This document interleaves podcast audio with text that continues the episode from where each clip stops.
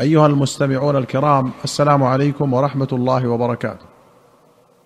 باب الاستغفار والتوبة وسعة رحمة الله.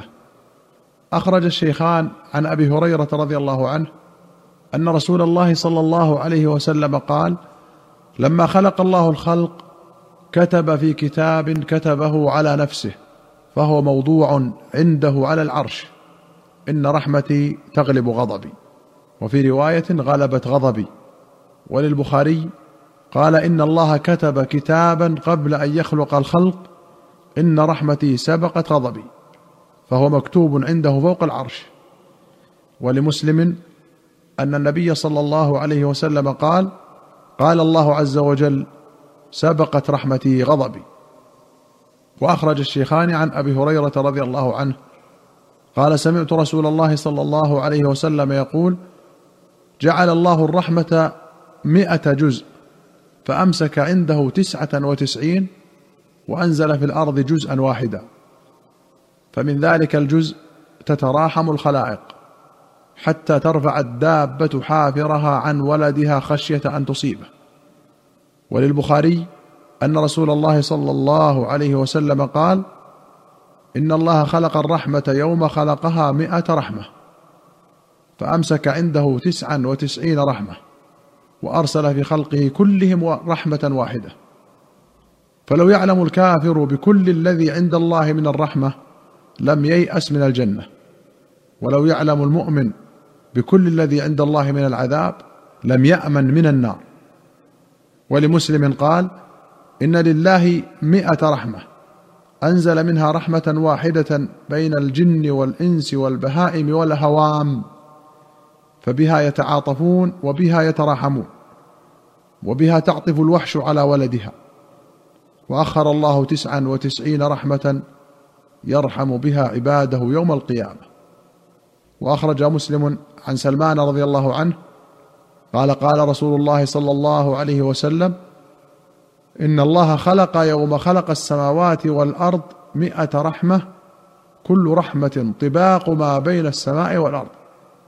فجعل منها في الأرض رحمة فبها تعطف الوالدة على ولدها والوحش والطير بعضها على بعض فإذا كان يوم القيامة أكملها بهذه الرحمة.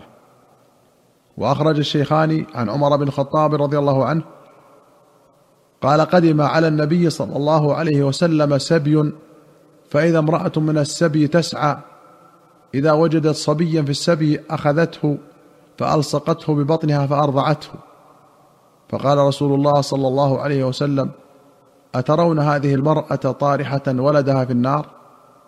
قلنا لا والله وهي تقدر على الا تطرحه.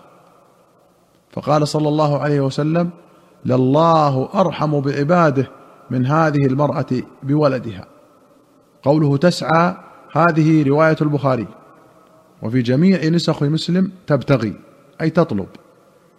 قال النووي وكلاهما صواب فهي ساعية وطالبة مبتغية. وأخرج البخاري ومسلم عن أبي هريرة رضي الله عنه أن رسول الله صلى الله عليه وسلم قال إذا أحسن أحدكم إسلامه فكل حسنة يعملها تكتب له بعشر أمثالها إلى سبعمائة وكل سيئة يعملها تكتب بمثلها حتى يلقى الله.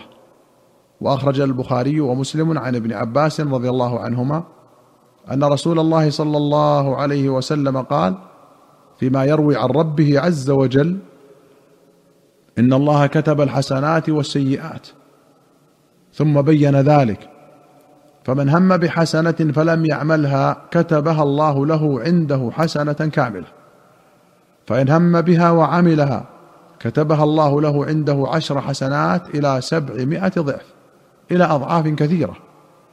ومن هم بسيئة فلم يعملها كتبها الله عنده حسنة وإن هو هم بها فعملها كتبها الله له سيئة واحدة أو محاها ولا يهلك على الله إلا هالك. وأخرج الشيخان عن أبي هريرة أن رسول الله صلى الله عليه وسلم قال يقول الله عز وجل إذا أراد إذا أراد عبدي أن يعمل سيئة فلا تكتبوها عليه حتى يعملها. فإن عملها فاكتبوها بمثلها. وإن تركها من أجلي فاكتبوها له حسنة. وإذا أراد أن يعمل حسنة فلم يعملها فاكتبوها له حسنة.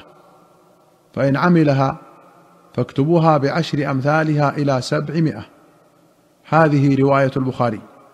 ولمسلم قال قال رسول الله صلى الله عليه وسلم قال الله عز وجل إذا هم عبدي بحسنة فلم يعملها كتبتها له حسنة.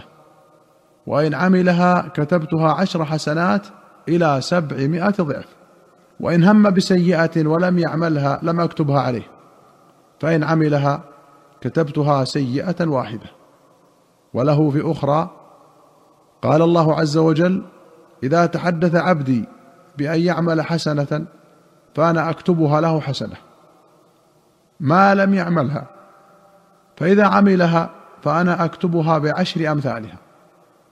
وإذا تحدث بأن يعمل سيئة فأنا أغفرها له. ما لم يعملها. فإذا عملها فأنا أكتبها له بمثلها. وقال رسول الله صلى الله عليه وسلم قالت الملائكة رب ذاك عبدك يريد أن يعمل سيئة. وهو أبصر به فقال ارقبوه فإن عملها فاكتبوها له بمثلها وإن تركها فاكتبوها له حسنة إنما تركها من جراء. قوله إذا هم عبدي بسيئة فلا تكتبوها عليه قال ابن حجر قال ابن الباقلاني من عزم على المعصية بقلبه ووطن عليها نفسه فإنه يأثم. وحمل الأحاديث الواردة في العفو عمن هم بسيئة ولم يعملها على الخاطر الذي يمر بالقلب ولا يستقر. قال المازري وخالفه كثير من الفقهاء والمحدثين. وتعقبه عياض بأن عامة السلف وأهل العلم على ما قال ابن الباقلاني لاتفاقهم على المؤاخذة بأعمال القلوب. وذكر ابن حجر قول الله تعالى إن الذين يحبون أن تشيع الفاحشة في الذين آمنوا لهم عذاب أليم. وقوله إن بعض الظن إثم وحديث إذا التقى المسلمان بسيفيهما وحديث فهو على نيته وهما في الوزر سواء. وفصل ابن حجر والنووي في ذلك كثيرا. وفي الفرق بين الهم والعزم فإن تركها خوفا من الله تعالى كتبت له حسنة. كما في الحديث إنما تركها من جراي يعني من أجلي. وأخرج مسلم عن أبي ذر رضي الله عنه أن النبي صلى الله عليه وسلم قال يقول الله عز وجل من جاء بالحسنة فله عشر أمثالها وأزيد وفي رواية أو أزيد ومن جاء بالسيئة فجزاؤه سيئة مثلها أو أغفر. ومن تقرب مني شبرا تقربت منه ذراعا. ومن تقرب مني ذراعا تقربت منه باعا ومن أتاني يمشي أتيته هرولة ومن لقيني بقراب الأرض خطيئة لا يشرك بي شيئا لقيته بمثلها مغفرة. وأخرج مسلم عن أبي موسى رضي الله عنه أن رسول الله صلى الله عليه وسلم قال إن الله عز وجل يبسط يده بالليل ليتوب مسيء النهار. ويبسط يده بالنهار ليتوب مسيء الليل حتى تطلع الشمس من مغربها. أيها المستمعون الكرام إلى هنا نأتي إلى نهاية هذه الحلقة. حتى نلقاكم في حلقة قادمة إن شاء الله. نستودعكم الله. والسلام عليكم ورحمة الله وبركاته.